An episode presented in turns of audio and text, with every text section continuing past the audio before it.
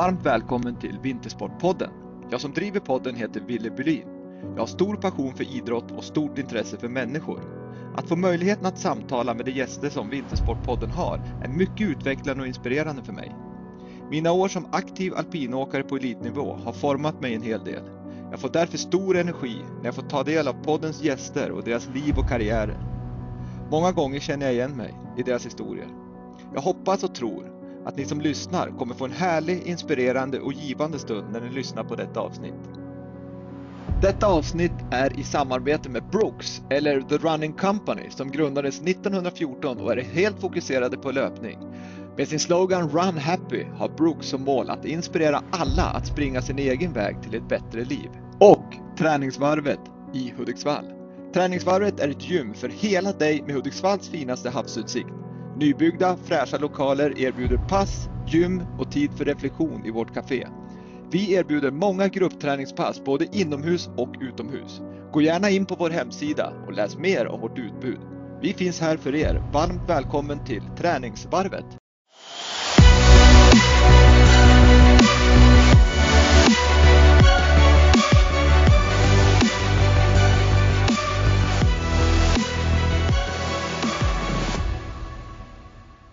Dagens gäst i Vintersportpodden. Före detta världscupsåkaren i alpint och numera crossfit-stjärnan Ylva Stålnacke. Varmt välkommen till Vintersportpodden Ylva. Men tackar, kul att vara här. Ja, det är jättekul och en speciell, eh, speciell gäst skulle jag säga som har haft en framgångsrik karriär. Eh, kanske inte nådde helt fram till den yttersta världseliten men ja, mitt i karriären, kanske lite längre i mitten, så, så beslutar du helt plötsligt att sluta med alpint och satsa på crossfit. Det ska bli kul att höra hur, hur du berättar om det. Ja. en speciell historia. Men innan vi gör det så eh, tänkte jag dra en snabbis vem Ylva Stålnacke är och eh, sen så ska du få prata mer än vad jag gör. Men Ylva Stålnacke föddes i Kiruna 1992, flyttade som 15-åring till Tärnaby för att studera på skidgymnasiet eller skidhemmet som det heter i Tärnaby och eh, sen under karriären så bodde hon faktiskt en snabbis i Kobdalis för att sedan flytta till Luleå och studerar numera till fysioterapeut. Eh, som ung så hade hon stort intresse för hästar. Hon har gjort två VM-starter. Det var Åre 2019 med en 14 plats i storslalom.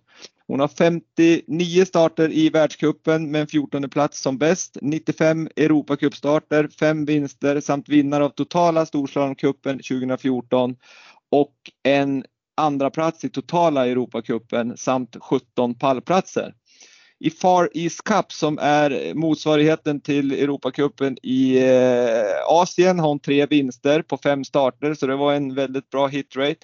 Eh, på SM har hon två medaljer varav guld i storslalom 2015 där hon knep guldet före Sara Hector och Frida Hansdotter. Hon har fyra medaljer i finska mästerskapen och mycket därtill men det är kort vem Ylva Stålnacke är. Jag tycker det är en fin meritlista Ylva, vad säger du? Ja men det var ju väldigt mycket längre än vad jag hade nästan kunnat komma ihåg. Ja, det brukar vara så när man, när man får det summerat så har man nog gjort mer än vad man kanske själv tror. Men, men å andra sidan så till det här så ska det ju komma en väldigt massa eh, vinster och pallplatser i internationella tävlingar och, och, naturligtvis många fina prestationer i övrigt. Sen ska vi också prata om dina meriter inom crossfiten som, som har ändå på kort tid gått väldigt, väldigt bra. Men om vi ska börja med dig Ylva, vem, vem är Ylva Stålnacke? Hur växte du upp och hur, hur var din liksom, uppväxt med idrott och, och så vidare uppe i Kiruna? Eh, ja, eh, alltså, svårt, vem är jag? Nej men ja, eh, jag växte upp i Kiruna och eh, har ju hållit på med typ alla sporter men det blev alpint och vi tränade på hemma eh, i backen. Jag har aldrig varit, varit på någon så här massa läger eller grejer utan vi körde på hemma och sen så, ja men, älskar jag att tävla. Så ville gå skidgymnasium och så hamnade jag i, på gymnasiet i Tärnby faktiskt. Um, okay. Så det var där jag gick eh, i fyra år och det var som där min skidkarriär tog fart kan man säga. Men det är intressant vad du säger där med, ni tränar där i, heter han Luossavaara-backen i, i Kiruna va? Ja. Och, och, att du liksom inte åkte på massa läger till Norge och Österrike och så vidare. Va, va, hur känner du, var det någonting som, som du skulle vilja gjort annorlunda eller tror att det hade blivit bättre om du hade gjort det? Nej, men alltså på, det var så himla, det var ju ändå väldigt länge sedan. Eh, och, och då åkte vi på, jag vet att jag varit på ett läger i Norge och ett i, i Österrike under liksom alla år så. Men eh, jag tror inte att det skulle funka idag. Alltså det är jättekul om du vill hålla på med alltså, alpint som en hobby. Men jag tror inte att det funkar om du liksom satsar på att bli riktigt bra. Tyvärr. Och ändå så hade väl ni snö från slutet av oktober misstänker jag uppe i Kiruna till maj i alla fall. Ja, vi hade ja. snö Ja. Men när du flyttade till Tärnaby sen då, då blev det en väldigt liksom uppsving i din karriär då, då tänker jag liksom mer så här träningsmässigt. Det måste ha varit liksom att komma till Tärnaby med den kulturen, träningsmöjligheterna och, och liksom en ökad dos träning misstänker jag. Var det liksom en wow-upplevelse? Eh, men det var ju, ja men allt liksom. Eh, vi, vi var i första årskursen där så vi fick träna vi, vi fick gå i sko, vi gick i skola i ett gammalt rum i ett, i ett hotell. Eh, och vi gjorde det när det passade liksom skidåkningen. Så vi åkte skidor hur mycket som helst. Och mm. det var ja, men, jättebra. Liksom, vi fixade skidorna och donade på där. Så det var ju som ett helt nytt liv. Eh, men ja, det var ju det som gjorde att man alltså, fick chansen. Eh, och och verkligen utvecklas. Från att man inte, eller jag var i alla fall inte så bra. Men sen blev det bättre. Ja, det kan man ju lätt säga. Men, men, och då ska vi också säga till de som lyssnar, när du säger att ni var första årskullen på, på skidgymnasiet så är det så att i, man har en väldigt lång historia med skidhemmet som en folkhögskola i, i Tärnaby. Men sen då när du börjar så startar man även ett skidgymnasium då. Så att, så att eh, man håller isär de där sakerna för att skidhemmet har ju funnits väldigt länge. Ja, precis. Ja men vad kul och så sen när du var där, kom du med i landslaget när du gick uppe på skidgymnasiet eller var det efter? Mm, nej det var eh, när jag slutade fjärde året så eh, kom jag med. Då, då, ja, då kom jag med i juniorlandslaget eh, efter sista året där. Ja. Mm. Egentligen en ganska perfekt, eh, ett perfekt upplägg där då med, med liksom att man att du fick ändå tiden på skidgymnasiet och så sen kom landslagsdelen. För nu så är det ju många som redan nästan i ettan är med i ett landslag och då blir det liksom ingen riktig skidgymnasieupplevelse heller. Nej precis, ja det, alltså det, var, det kommer man ju fortfarande ihåg som typ de bästa åren. Alltså när man åkte runt där och i någon buss varje helg och åkte till tävlingar och kom hem sent och lagade mat med kompisar. Alltså det var ju som en upplevelse. Eh, så det är jag glad för att jag fick eh, göra det. Men samtidigt så jag hade ju, alltså om jag hade fått göra om det och någon annan sagt så här, du kan få vara med i landslaget från eh, årskurs ett så hade jag sagt ja tack. Troligtvis, när man är i den åldern så är det det som hägrar. Ja, eh, men jag tror ändå att det finns en eh, ganska, det är ganska sunt att man, att man går den där och du får en ganska bra trapp alltså en stege i träningen också, att du får träna hemma i Kiruna och sen kommer till Tärnaby och fick lite mer träning och så sen in i landslaget där, där det stegras ytterligare. Så det är ju en ganska bra liksom, stegring av, av träningen så att man hinner mogna också på både fysiskt och psykiskt. Ja. Men du Ylva, eh, du, du kom in där i, i landslaget och sen tog den alpina karriären fart. Eh, du kanske, om man ska vara helt ärlig då, så, där, liksom, så, så, har du ju inte, du, kom, du nådde ju inte hela vägen fram och tog några vinster i världskuppen och medaljer på VM och så vidare, utan du låg där, du var grym i Europacupen, du vann den 2014, du var med i väldigt många världscupstävlingar och tog poäng i väldigt många tävlingar och hade en 14 plats som, som bästa placering. Men vad var du kände, vad var det här sista du saknade för att nå hela vägen fram? Jag vet inte. Det är därför jag, faktiskt måste säga att jag avskyr alpint. För att jag så tycker att det är en helt fantastisk sport och jag tycker att det är liksom Eh, och på, alltså åkare och tävlare liksom så. Jag älskar att åka skidor. Hade, jag slutade inte för att jag inte tyckte om att det var kul att åka skidor längre. Men jag tycker att det är jättesvårt att säga så här. Nu ska jag göra allt för att jag ska bli bäst i världen. Vad ska jag göra? Mm. Ja, det, det, är ju inte så att du kan säga träna så här mycket eller, eller si och så, utan det är så många faktorer som spelar in. Ja, det finns ingen som kan svara på det. Och sen så, ja, du kanske hade förberett dig bäst i världen inför den här tävlingen, men sen så gränslade du eller alltså det hände någonting annat. Det är så, alltså det finns, alltså och om du har förberett dig bäst så kommer du inte ha vetat det innan för det finns ingen som har de svaren och det tycker jag är jättefrustrerande. Alltså, eh, håller du på med längdskidor så ja, absolut, det finns ju massa olika recept till hur ska du träna för att bli så bra som du vill bli. Men om du gör ett eh, VO2 max-test och du var liksom 10 minuter efter alla andra. Ni sprang intervaller. Du liksom kom sist varenda gång. Men då kommer du förmodligen veta att jag måste träna på ett annorlunda sätt för att jag kommer inte slå de här i skidspåret. Det är omöjligt. Men i skidåkning så är det liksom så här. Men vissa perioder har jag haft så här, men nej men träna inte fys. Eh, ligga hemma och käka chips istället. För att, och så bara, ja men det gick ju mycket bättre. Jaha, okej. Okay. Ja men man måste träna massa fys för att bli bra. Okej, okay, gör det. Så bara, nej, men det hjälpte inte heller. Alltså, nej. jag vet inte. Jag tycker att det är jättesvårt att veta. Vad ska jag göra för att bli bäst i världen? För det är det jag vill. Men om det inte finns någon som svarar, vad ska man göra?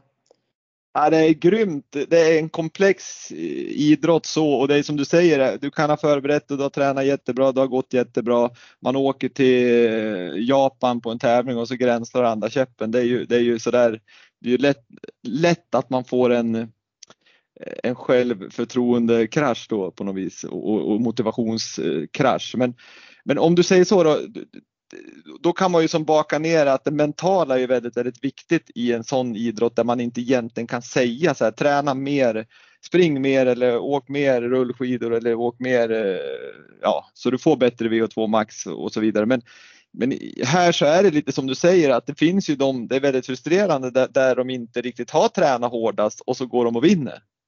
Men, men det mentala, hade du mycket hjälp där eller kände du att du hade behov av mer hjälp för, för att liksom jobba med den mentala biten? Eh, nej, men för, eh, försökte nog ta lite hjälp så här, några gånger. Olika, men men jag, det passade inte mig. Alltså det, det jag vet inte. Det fick aldrig något så här. Eh, det kändes inte bra. Jag vet inte om man hade behövt jobba längre med någon men jag vet inte, jag trivdes inte med det. Och sån mm. är jag lite i mitt, alltså mitt eh, vardagliga liv eller som person. Alltså jag gillar ju bara köra på och, och egentligen så, ja, inte kanske gräva så mycket i saker och, och det är väl på gott och ont. Men det passade inte mig. Nej. Eh, och vi kommer nog in på det här när vi kommer in på din nästa karriär, om man säger crossfit-karriären just i, i att köra på. Men, men om vi ska hålla oss kvar lite grann med skidåkning för att se eh, vad liksom eh, vi, vi, sa ju att du, du, tyckte det var jobbigt det här med att du inte visste vad ska jag göra för att bli bäst. Även vad du än gjorde så antingen slutade du träna och så gick det bättre och sen skulle du träna mycket fys och så blev det inte som du hade tänkt. Men, men om man ser liksom på, från kände du där att du fick liksom ingen riktigt bra förklaring från tränarna heller utan? Alltså... Jo, alltså nej så är det inte. Jag har ju haft jättebra tränare och liksom tekniskt så fanns det ju liksom tusen saker jag kunde göra bättre. Eh, fysiskt fanns det saker jag kunde göra bättre och liksom så. Det är väl mer bara att eh, liksom det här men man kan, alltså det är mer bara att alpint är en jätte, jättekomplex sport och det är väl det som är, ja men vissa säger tjusningen i det, men jag tycker inte att det var, är någon tjusning i att eh, jag vill veta vad jag ska göra för att bli bra, men det går inte. Men det är som samma sak som typ såhär, vad gör Schifrin för att hon är så jäkla bra? Det finns ju ingen mm. som kan svara på det. Alltså, det finns inga svar så, men eh, jag har ju haft liksom, alltså tränarna har ju haft jättebra svar. Mm. Men det finns ju ingen som Alltså, Det är ingen som har receptet. nej, det finns ju ingen som har receptet, men de var väldigt bra kockar om man säger så. Men eh, de hade inte det riktiga receptet. Men det är ju som sagt ingen som har det. I den Nej, här förmodligen inte. Förmodligen inte.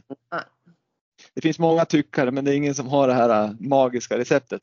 Men du, eh, rent så här ähm, finansiering då när man är på den nivå du var på när du inte nådde hela vägen fram. Var det, var det liksom lätt att få ihop, få ihop vardagen med liksom rent så här finansiellt eller var det en, liksom ett krig hela tiden att få ihop det och satsa samtidigt? Alltså det krävdes ju väldigt mycket träning, ni var borta mycket så det är ju svårt att ha några extra jobb liksom. Hur, hur, hur upplevde du det och är det någonting ni skulle kunna gjort annorlunda?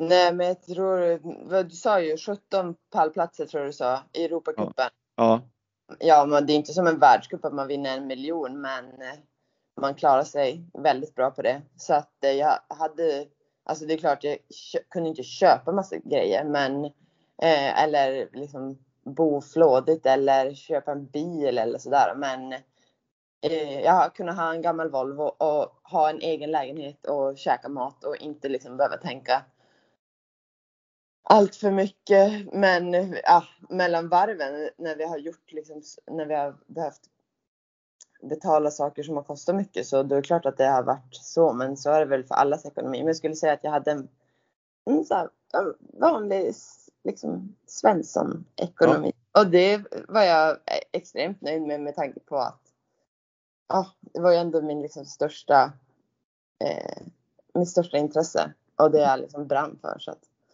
mm. men, men eh, jag var inne på ju- just problemet med jobb, men sen vet jag att du, du pluggar ju under karriären så pluggar du ju på Luleå universitet till fysioterapeut som du även gör idag. Funkar Mm. det bra, liksom kombinationen studier? För det finns ju mycket tid över. Jag vet, jag pratade med Sara Hector tidigare också att hon, hon körde också lite studier på sidan om vilket jag kan tycka är klokt för man har ju mycket tid på hotell och på resor och så vidare. Men funkar det för dig med att, att läsa till fysioterapeut samtidigt som du satsade? Ja, jag sa det li lite likadant där. Vi blir ju tokiga när vi bara ligger och kollar upp i taket eh, på hotellrum. Men ja, jag tycker att det funkade väl. Jag gillar ju, jag, alltså det enda bra grejen med corona det är ju att man får, har ju fått plugga på distans. Det tycker jag är en riktig höjdare. Men eh, så det gick bra. Man har ju som sagt väldigt mycket tid. Men det som är problemet är väl att eh, det, var, det jag hade ju så här ett elitidrottsavtal men det var ju ändå inte så att de, alltså att man fick skriva tentor när man ville utan man var ju tvungen att vara hemma så det var ju, alltså man fick ju väldigt mycket släpande så men det var väl det som var lite sådär. För att man ville gärna inte plugga till en tenta i, i oktober som man sen skulle behöva skriva i maj.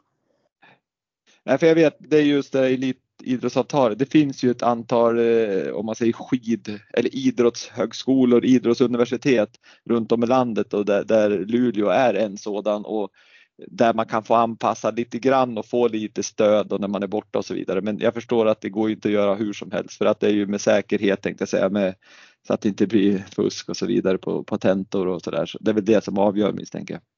Ja, det lät jättebra från början. För man kan ju få åka och skriva det på, på, något annat ställe, på något annat ställe. Men då var det liksom så här, ja då måste du åka till vad det var, svenska ambassaden typ. Och sätta Ja. dig där och bara, ja men okej, men den låg ju ändå fem timmar härifrån vars vi är. Uppe i bergen, så det var inte aktuellt. Jag förstår. Mm. Men eh, innan vi avslutar det här kapitlet så, så vill jag ju liksom fråga, är det någonting du känner du eller någon annan skulle ha kunnat gjort annorlunda för att du skulle ha fortsatt eller kunnat blivit bättre eller liksom ja, utvecklats på ett annat sätt under alpina karriären? Eh, nej, alltså. Nej. Du, alltså för, nej. Jag tänker så här, du säger att jag inte nådde hela vägen fram och det gjorde jag inte resultatmässigt. Men det gjorde jag eh, rent, eh, alltså för min egen del så gjorde jag det. Alltså jag fick känna hur det var att vara eh, och göra bra resultat och sista åren så, ja men jag hade jättemycket bra resultat i Europacupen men jag fick inget som fick inte känna att jag var där i världscupen men det gjorde jag ju då sista åren. Så då kände jag bara, nej, jag känner mig nöjd. Jag känner att jag har gjort det här och jag har gett det jag har. Och ska jag bli ännu bättre så måste jag ge ännu mer och jag är inte redo för det och mitt liv kommer inte bli bättre om jag tar den där tredje platsen så kommer jag inte bli lyckligare utan nu vill jag göra något annat och testa vingarna på någonting nytt. Så då kände jag bara, jag är jätteklar och det var liksom inte att om äh, tränarna, liksom, tränarna hade inte kunnat göra något bättre. Jag hade jätte, jättebra tränare och vi hade liksom världens bästa gäng med, med alla tjejerna i laget så där. Så att nej, jag kände mig bara jätteklar. Eh, som att det var dags helt enkelt. Men där i januari då, 2020, vad, ja. vad var det som var det ett snabbt beslut att du bara, nej men nu var vi på läger eller tävling och så, och, nej nu är det bra liksom. Eller hade du grott länge där under hela hösten? Eller? Ja, nu hade det, det hade ju grott innan mig väldigt länge. Eh, men eh, när jag, jag skulle åka, jag satt på flyget till Stockholm och så skulle vi åka eh, iväg på tävling Eh, och så, ja men jag hoppade på flyget. Och direkt vi bara åkte upp i luften så kände jag bara, nej. Nu är jag klar. Eh, så då landade jag, så ringde jag Lars och så sa jag, nej, nu slutar jag. Och, så, och Lars i det här fallet, det är landslagschefen Lars Medin. Exakt. Så bokade jag en hemresa en timme senare och så flög jag hem så var det, liksom, det var så liksom. Ja. Och vad sa Lars Melin då som var landslagschef? Han måste ju liksom ha blivit lite stum han av dig. Alltså jag kommer inte ihåg. Det var inte, jag var ju ändå i, alltså det var ju ändå ett liksom stort moment. Så jag var, kommer inte riktigt ihåg vad han sa men ja. Jag vet att jag pratade med Toma, alltså våran coach. Christian Tom. Mm. Ja, han sa eh, typ, ja men tråkigt såklart, men helt rätt och bara kör på. Ja. Nej, det är kul att höra och, och jag ska poängtera där när jag säger att du inte nådde hela vägen fram. Självklart, du hade grymma resultat och du var en fantastisk skidåkerska. Men när jag pratar om det så är det ju att du inte tog OS-guld och, och sådär. Att det, det, Nej, var en... alltså, det, det, är ju det, är det man, alltså, för så har jag också tänkt. Alltså bara, men, men jag, blev, jag kom aldrig på pallen. Men eller så tänkte jag förr, bara man måste komma på pallen eller man måste göra det här. Men sen det var det som var så jäkla skönt att jag kände bara, jag, jag har nått hela vägen. Alltså med mitt idrottande så är jag klar. Mm. Så det kändes, ja, bra. Ja, det är härligt att höra. Men det, det som är intressant där ändå tycker jag, det är liksom om man, om man skulle jämföra, om man, man ska inte göra det, men med, med Frida Hansdotter till exempel eller Mikaela Shiffrin. Mikaela Shiffrin har ju enorma resultat. Frida Hansdotter har enorma resultat.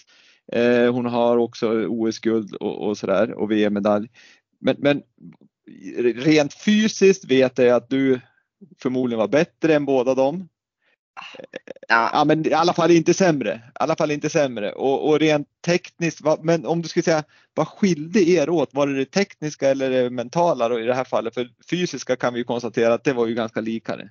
Ja, men nu måste vi också äh, att jag har blivit fysiskt väldigt mycket bättre på slutet.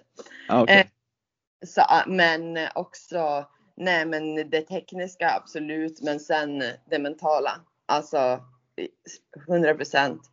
Och sen, eh, ja men, jag hade det jättetufft i världscupen från början och jag liksom, eh, där kan jag säga att det var liksom mentalt från start för att det vart liksom stressande situation och sen blev det liksom inte bra. Men eh, eh ja, det mentala skilde väl oss åt och sen vår inställning kanske. Alltså det mentala dels i att tro på sig själv men sen också inställningen till vad man ska göra. Eh, ja, mm. tekniskt. Ja, det var nog ja. väldigt mycket som skilde oss åt. Men som men, sagt, jag, det jag inte riktigt vet, alltså det är det jag inte kan säga. Det är därför jag tycker att det är svårt. Mm. Ja, jag förstår det. Det är återigen till receptet där. Ja.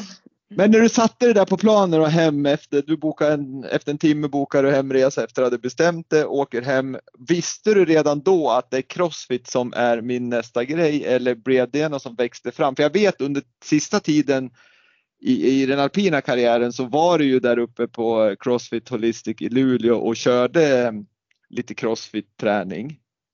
Ja. Men, men hade du bestämt dig för att satsa på crossfit redan när du, när du hade bestämt dig för att sluta eller kom det, växte det fram sen? Det? Nej, nej, det var inte, alltså när jag, när jag, alltså jag har ju ändå alltid varit så här, ska jag göra någonting, det var ju därför jag också kände bara nu är jag klar. Ska jag göra någonting ska jag göra det 110 procent. Jag har alltid sagt så här, jag tänker inte åka runt och åka alpint som är typ den mest krävande sporten i, liksom, i både tidsåtgång och allt möjligt och liksom med skaderisk och allting så ska jag göra det ska jag inte göra det liksom 90 procent. Hur ska jag göra det all out. Så det var inte så att när jag slutade där, det var ju ändå hela mitt liv och allting. Så det var inte att jag hade bestämt mig för någonting annat utan det var ju som allting. Det är det största beslutet jag tagit tror jag någonsin i livet. Eh, men eh, nej, men jag visste att jag ville, ville träna eh, så mycket och eh, jag visste väl inte riktigt hur långt bort det skulle kunna vara och, och kunna tävla i crossfit. Men jag tänkte nog att jag ville tävla. Mm. Och sen så när jag slutade så gjorde jag nog ingenting i typ tre veckor. Eller bara låg i sängen, tittade upp i taket och bara var helt förstelnad. Men sen så började jag ju träna och då visste jag ju direkt att jag ville tävla. Ja, vilken härlig, härlig historia och jag förstår att det blir tomt när man, när man har levt som jag gör i den alpina sporten med 200 resdagar tillsammans och kors och tvärs i hela Europa och världen. Och så sen tar det slut bara, det är klart man, man blir paralyserad. Men, men du, eh, om vi ska börja innan vi ska beskriva crossfit så kan du se någon koppling mellan alpint och crossfit? För jag menar den alpina sporten den är som du säger komplex och, och fysträningen är ju mer komplex för en alpin åkare skulle jag säga än en, till exempel en längdåkare som de kör ju mer liksom ja, men konditionsträning. En alpin utövare de är ju oftast ganska liksom duktig fysiskt de. Mm. Allsidig liksom. Det ser man ju när de är med i Mästarnas mästare och allt vad det är så är de ju allsidig liksom. Ja, absolut. Eh, men jag vet inte om jag ser någon koppling så. Det enda jag tänkt så många gånger när jag har gjort lite så här online kvalstävlingar och sånt där. är bara gud vad skönt. Jag kommer, jag kommer inte liksom gränsla första käppen. Jag kommer inte ramla och om jag ramlar så kan jag ställa mig upp. Ja. ja, det förstår jag. Men, men om, vi då, om vi då ska för lyssnarna här då, eftersom det här är en vinter, vintersportpodd Ja. så är ju många införstådd med vad längd och alpint och, och hockey och så vidare är. Men, men om vi ska beskriva crossfit, vad, vad, kortfattat, vad är crossfit? Ja men eh, det är väl egentligen eh, eh, funktionell träning som vi brukar kalla det. Nej, men träning eh, i allt möjligt. Det kan vara allt från löpning, simning, cykel till att luft, lyfta tunga benböj eller frivändningar, ryck. Eh, det kan vara eh, gå med bollar eller hoppa hopprep. Alltså det är liksom allt möjligt inom kategorin eh, fitness eller vad man säger. Ja, vem är det som bestämmer de här övningarna då? Alltså inför en tävling, är det, sett, är det någon som bara sätter ihop dem och så får ni reda på det på morgonen eller vet ni det eh, några veckor innan vilka övningar som kommer? Eh, den som arrangerar tävlingen bestämmer och eh, eh förmo eller typ som eh, ja, beroende på, men det här största som, som kallas för Crossfit Games, eh, där får man veta eh, tävlingarna. Några, några stycken får man veta innan, en vecka innan och några blir eh, överraskning på plats. Och vissa kan, grejer kan vara också att man får veta under tävlingens gång vad det är man ska göra. Oj, då, då gäller det att träna allsidigt. Ja. Alla moment då. Men det finns en bank, kan, man kan inte hitta på en ny övning utan det finns en bank med övningar som ni, kan, ni vet man- att ni kan träna på. på nya övningar. De kan hitta på nya övningar. Ja, det, deras slogan är ju Be eh, prepare for the unknown. Så att eh, man eh, ja, förbereder sig så gott man kan och, och gör liksom, lär sig eh, allt och sen så är det bara hoppas. Men du, det var spännande för då kan man ju verkligen inte säga att det är någon så här materialsport eller liksom att, att den som har bäst förutsättningar att köpa in redskap och så vidare är den som vinner egentligen utan det gäller ju att träna ta med faderuttan på allt och så sen får man se hur det går. Ja, precis. Men hur funkar det, hur funkar det sporten som sådan då? För i, inom skidsporten så, så tävlar man ju för en klubb och man tävlar, det är ju nationellt och sen när man kör internationella tävlingar som VM och världscup och Europacup och så vidare, då tävlar man för, för landet och ett förbund. Men hur funkar crossfit-sporten då? Är det på samma sätt? Eh, nej, nej, det finns ju inget så här förbund. Eh, så, det finns, nu har de startat upp eh, någon, så att det ska finnas ett förbund för att tävla lite SM och så. Men det här stora som, det som alla eh, tävlar för det är det här, eh, det som kallas då för Crossfit Games. Och där finns det inget förbund eller någonting utan det är ett företag, Crossfit Games. Och eh, så, ja men alla kör eh, som enskilda individer och, och för att kvala in till det. Då. Ja, och, och eh, det, där, det där Games då, det kan man ju säga är eh, Crossfit sportens VM och, och dit kvalar man via som, som du säger open tävlingar. Alltså det vill säga att där open, i open får alla vara med och det, det är kvaltävlingar som sen då ska man uppnå vissa poäng då för att komma med i, i games. Ja eller open eh, då kan vem som helst vara med och så sätter man upp sin mobilkamera och så släpper de eh, en workout, en, en sån här, ja, men ett träningspass eh, varje vecka i tre veckor och så gör man det så snabbt som möjligt eller lyfter så tungt som möjligt beroende på vad det är. Filmar, skickar in och så säger de, ja men eh, du kom någonting. I år var det topp, det var 10 procent tror jag det var som gick vidare och det var över 3000 personer. Ja, vad kul. Och, och, och, du var en av dem. Men, men är det, det här är bara, det är ingen bedömning i Crossfit va? Att man bedömer kroppar eller bedömer utförande utan det är bara antal repetitioner eller hur snabbt eller hur tungt man, man kör? Eh, ja, men man blir bedömd på repetitionerna. Så det ska ju ja, vara, det behöver inte vara snyggt men det ska vara enligt reglerna.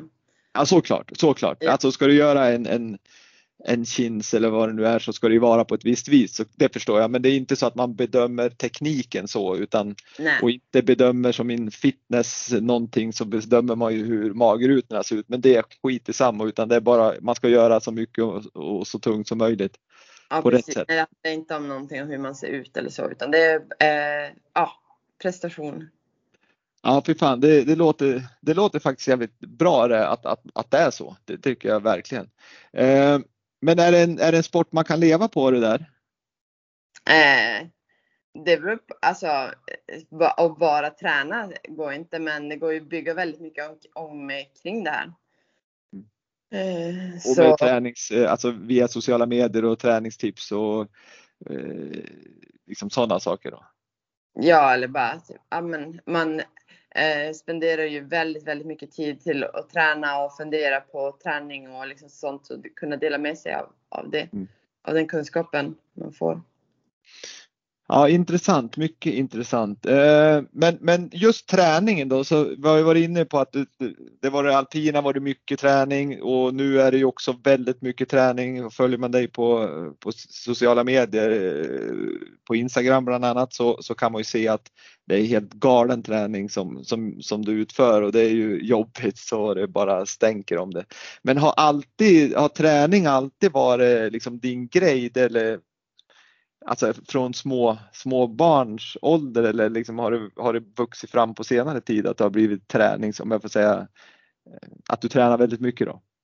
Mm, nej, alltså när jag var min, mindre så gillade jag ju som att eh, men, träna andra saker, fotboll eller cykla, alltså typ så och sen så under men, under eh, mina, ja men runt 20 där så alltså, tränade jag inte. Jag tyckte inte att det var kul alls. Egentligen så tyckte jag inte det var kul att träna eh, förrän jag skadade mig och då började jag som träna lite mer eh, och började tycka att det var lite roligare. Och det var väl när jag var typ 23, fyra. Eh, och sen så ja, men hittade jag crossfiten och det var då jag insåg bara okej, okay, träning behöver inte vara svintråkigt. Det kan vara skitkul. och jag tänkte precis fråga just vad det, vad det är som driver det. För eh, tittar man på er träning så är det ju, det är ju jobbig träning. Alltså övningarna ni, ni gör är ju jobbig liksom. Men vad är det som driver det i, i vardagen att, att göra det här eh, dag ut och dag in och, och liksom vara helt slut varje dag? Vad är det mentalt som, som tar igenom passen? Och...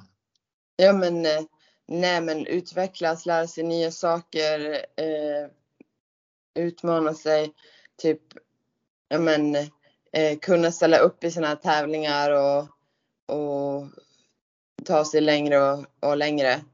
Eh, och ja men eh, som nu har vi ju kvalat ett lag till, till det här games och det är ju typ det största man, eh, största tävlingen som man kan vara med i så bara och ja men därifrån så bara lära sig ännu mer. Eh, men typ det är hela tiden små delmål. När man går på gymmet så eh, antingen lyfta tyngre eller eh, lära sig mer saker i som gymna, gymnastiska saker eller om man redan kan någonting, klara av fler repetitioner. Så det är som små mål varje dag som man kan ta på.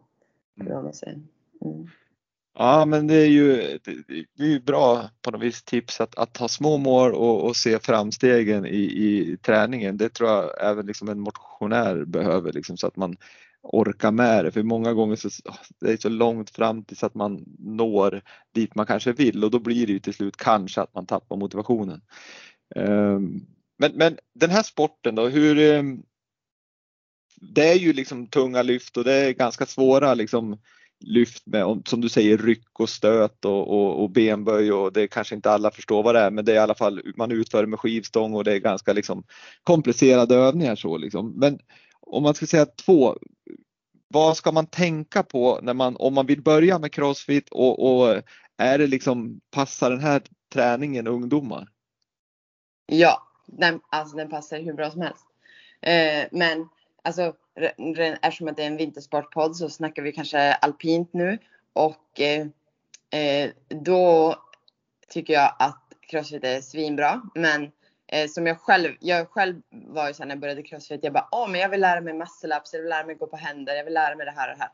Bara, ja, det var ju för att jag var, hade, fick ett väldigt stort intresse, men ska man bli alltså bäst i världen på alpin så är det ju skitdumt att slänga bort liksom 50 timmar under sommaren på att lära sig liksom, muscle ups eller gå på händer. Det, det och vad är muscle ups då? Ja men det är när man eh, hänger i, man hänger i ryggen och sen så tar man sig upp på den på raka armar liksom på andra sidan. Ah, ja, ja, ah, ja. Eh, men jag tänker bara att alltså sådana saker eh, behöver man inte, eller ja, det är onödigt att lägga energi på det om man ska bli bäst i världen på alpint. Men det finns ju mycket att kombinera bara eh, liksom styrketräning med konditionsträning tror jag att eh, man kan vinna väldigt mycket på. Och just den här funktionella delen också att man använder musk alltså kroppen på man lyfter ju på ett funktionellt sätt så att det, det blir ju liksom inte en maskin någonting utan det, Nej, man precis. använder ju, det blir ganska alpinlikt om jag säger så då.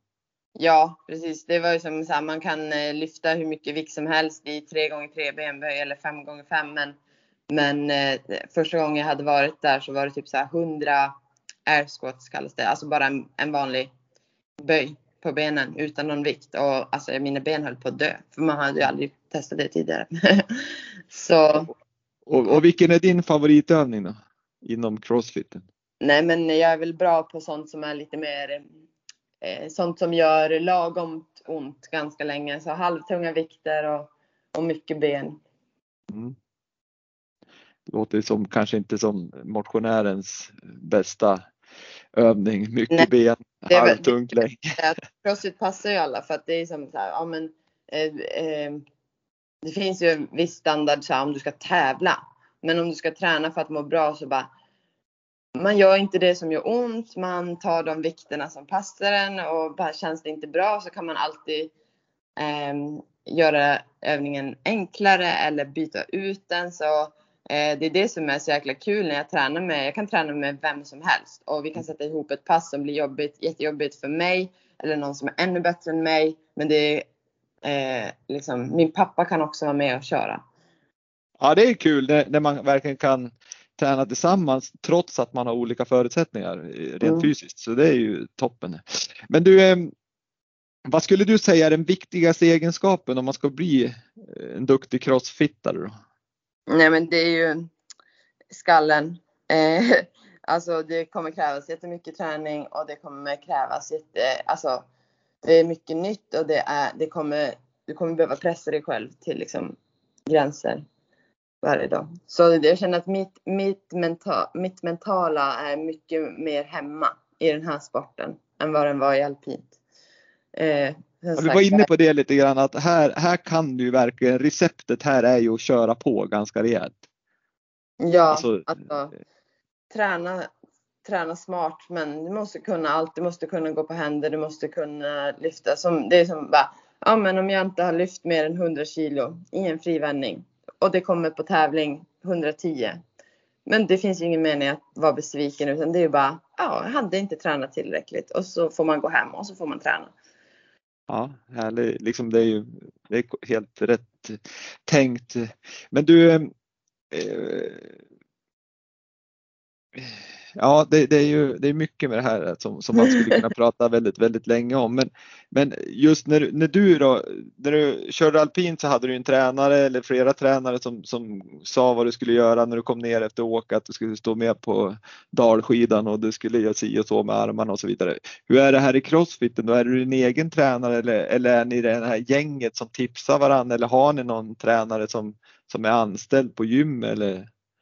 Nej, vi kollar på varandra eh, och, och hjälper varandra. Kollar, filmar mycket, kollar lite Youtube på, på andra duktiga. Men sen så eh, Marcus som är i teamet då och som är min sambo, han är, har ju tävlat i Crossfit jättelänge och varit med liksom, på många stora tävlingar tidigare och är eh, liksom väldigt erfaren. Så han eh, har ju mycket kunskap så det blir lite som att han har han coachar mycket teknik Mm. Och era team då, det är det här Crossfit Holistic i Luleå eller?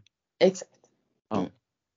Ja, det är intressant och jag tycker det är ganska härligt när man, när man kör den där stilen också att man, man hjälper varandra, man, man tittar lite på Youtube och så försöker man utveckla det tillsammans. Eh, det, det tycker jag är ganska härligt för då krävs en, ett, en stor passion för det. Man, man får inte serverat utan här ska det bli bättre så måste du liksom själv vara delaktig och göra det här. Eh, liksom både träningen men även utvecklingen. Ja. Eh, men, men när du själv var, var aktiv som alpin, var det liksom, skulle du liksom i efterhand nu säga att fasiken om jag hade tränat mer crossfit under min alpina karriär, då hade jag nog varit ännu liksom mer förberedd. Eller, liksom, ser du inte att det finns några kopplingar? Du har ju sagt att det finns bra kopplingar, men skulle du vilja ha gjort mer av det som ja. aktiv? Ja, eh, det hade jag. Eh, och det är därför jag har, jag har startat ett företag som heter Optimize Training Eh, och eh, där bland annat så har jag ju eh, gjort en, som, en alpin träningsprogrammering eh, som är eh, online så man följer den på, ja men det kommer i en app. och så är det ny träning varje dag och där är det liksom hur jag med den erfarenheten jag har från alpint och crossfit liksom tränar så men sen också hur mycket, alltså jag har spenderar ju väldigt mycket tid eh, på att tänka på det här och sen har jag ju ja, men, har jag ett år kvar av studierna också så jag har liksom bakat in allt det i hur hade jag velat träna eh, från att jag var liksom 18-20 om jag hade haft möjligheten. Eh, vem är den här appen för? Är den för, från 18 år eller är den från 15 år? Eller vad, vad? Ja, man kan alltså 15, 16. Eh, det gäller bara att man eh, Alltså den är, det, då kanske man får, har man inte så här, gjort så mycket skivstångsövningar då kommer det krävas lite mer av en att man, att man söker upp. Men det är, som inget, det är absolut inte som jag tränar liksom crossfit så. Utan det är de övningarna som jag tycker är eh, rimliga att eh, kunna eh, i gymmet och det de flesta liksom, det är som basic övningar. Så vi tar liksom övningar som folk redan, jag brukar säga det, det handlar inte om att lära sig nya övningar liksom, och spendera tid på det, utan vi tar det vi redan kan och så lägger vi upp det med andra repsantal, andra tidsspann, andra liksom, sätt att se på träning. Eh, och så är det, det jag tycker är jätteviktigt är att baka in eh, överkropp och bål eh, i rörelser som är mer än, alltså ofta typ så här, jag upplevde att jag tränade jättemycket som benpress eller benspark.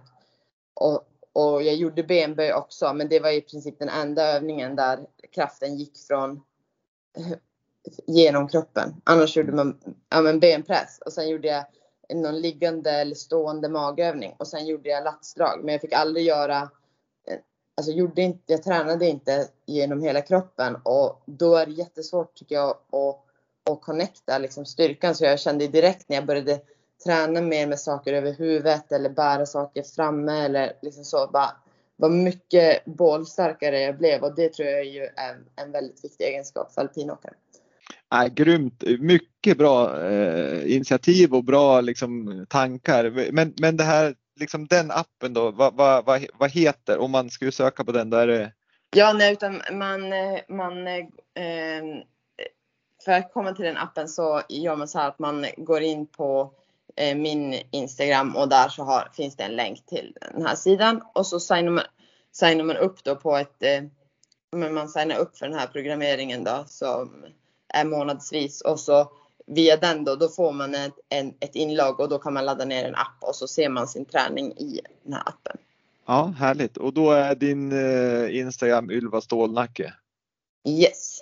Yes, ja det var ett bra tips och, och eh, med, med tanke på din bakgrund som alpin eh, stjärna och du har eh, den här liksom vad ska jag säga, även på VM-nivå inom Crossfit plus att du har nästan klar med studierna till fysioterapeut så då, då känns det som att du har bra koll på vad som ska göras. Sen ska vi också säga det att i, det här, i den här appen så finns det säkert övningar som, som inte alla kan behärska men då är ju ett bra tips att man går på ett, ett, ett bra gym, en atletklubb eller, eller någonting sånt där där man behärskar de övningarna och får hjälp att komma igång. Det, det kan ju vara ett ganska bra tips. Ja, alltså jag tänker så här, typ många skidgymnasier och sånt lär ju ut liksom ja, det är sant. bak och frivändningar så och det är väl någon, någon gång liksom så det är som inte det är ju, man kan inte kolla på min träning i på, alltså om man går in och kollar på min träning på in, här Instagram så är det ju inte det man kommer mötas av. Eh, kanske i appen. Alltså det kommer vara stenhårt men det kommer inte vara liksom Det kommer vara någonting som eh, man ja, oftast har väldigt bra koll på. Men, men om, vi, om vi tar just det här crossfit-träningen då så är ju Alltså man, man, I min värld i alla fall så är den otroligt hög, högintensiv, det vill säga ni, ni belastar kroppen hög, hårt varje dag tycker jag, eller varje dag med varje pass. Eh, hur, hur, hur mår kroppen då, då om du tänker från det fysioterapeutiska hållet? Är det liksom, skulle du behöva mer vila eller liksom, är du alltid ständigt nertränad på något vis? Nej, alltså min kropp mår faktiskt jättebra. Eh, så det typ som har skadat den mest genom åren, det är typ när man har alltså, tävlat i skidåkning och stutt, alltså, suttit i bil i timme efter timme. Det är då alltså ryggen har liksom gjort ont eller man har fått ont i knäna.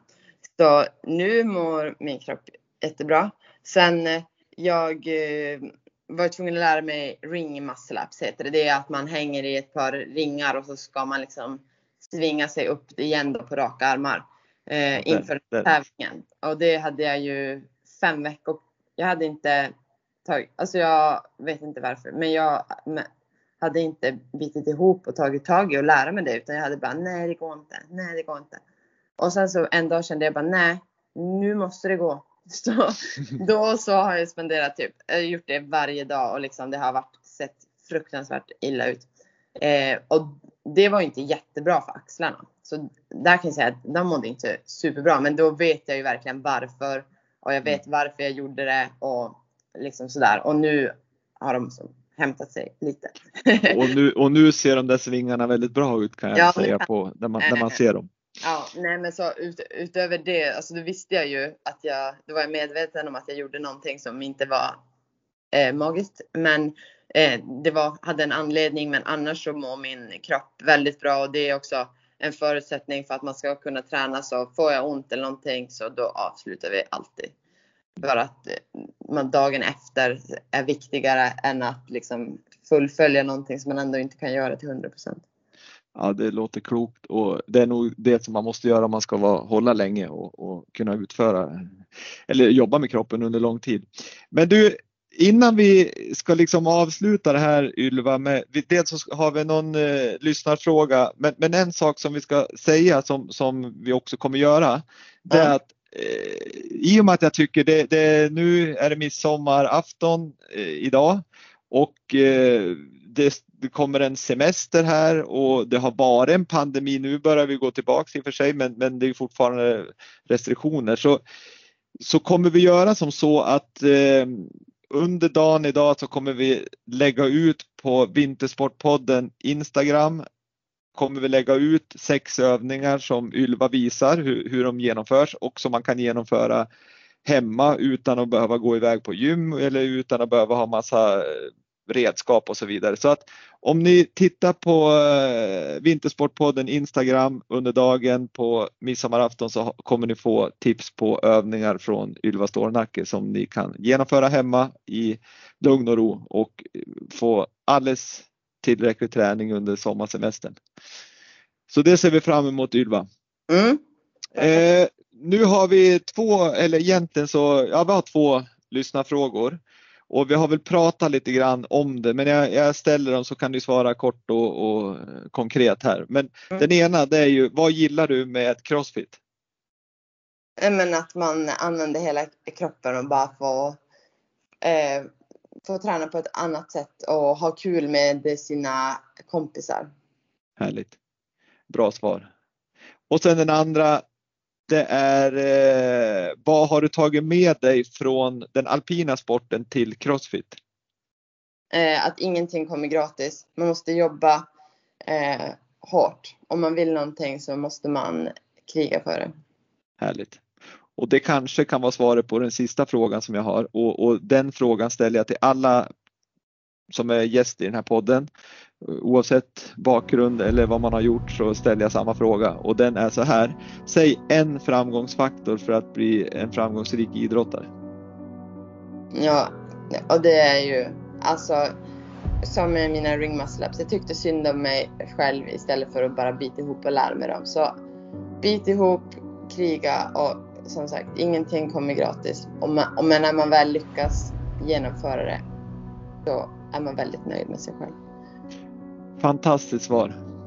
Jättebra Ylva och eh, det har varit en härlig nästan en timme med dig har vi suttit och fått eh, gå igenom både den alpina karriären och din nuvarande crossfit karriär mm. och fått väldigt bra tips på ja, men hur man ska tänka och uh, olika liksom, träningstips och så sen har vi också fått reda på att du har en, en, en utvecklat en egen app där du liksom kombinerar både dina studier som fysioterapeut, din alpina karriär och din, din liksom nuvarande kunskap om träning genom crossfiten. Så att den är också intressant och den, den finner ni som sagt var på Ylva Stålnacke på Instagram och så finns det en länk där så där kan ni ju gå in och kolla. Yes. Jättekul att ha dig med Ylva och Vintersportpodden och jag önskar dig all lycka med eh, studierna framöver. Du har ett år kvar och sen önskar vi naturligtvis lycka till i din eh, crossfit-utövning och dina liksom framtida, eh, din entreprenöriella del där du ska få träningstipsen att, att inbringa pengar. Eh, ja, precis. Jag tänker man måste ju, man vill ju jobba med någonting som man brinner för i resten av ens liv. Ja. Så att jag tänker att så ska jag jobba med träning. Det är det. Det, det ja. tror jag du gör rätt i Ylva, för det känns som att du har en stor passion för, för träning, hälsa och välmående. Ja, men det har jag väl. Så. Stort tack och stort tack. lycka till! Ja, tack!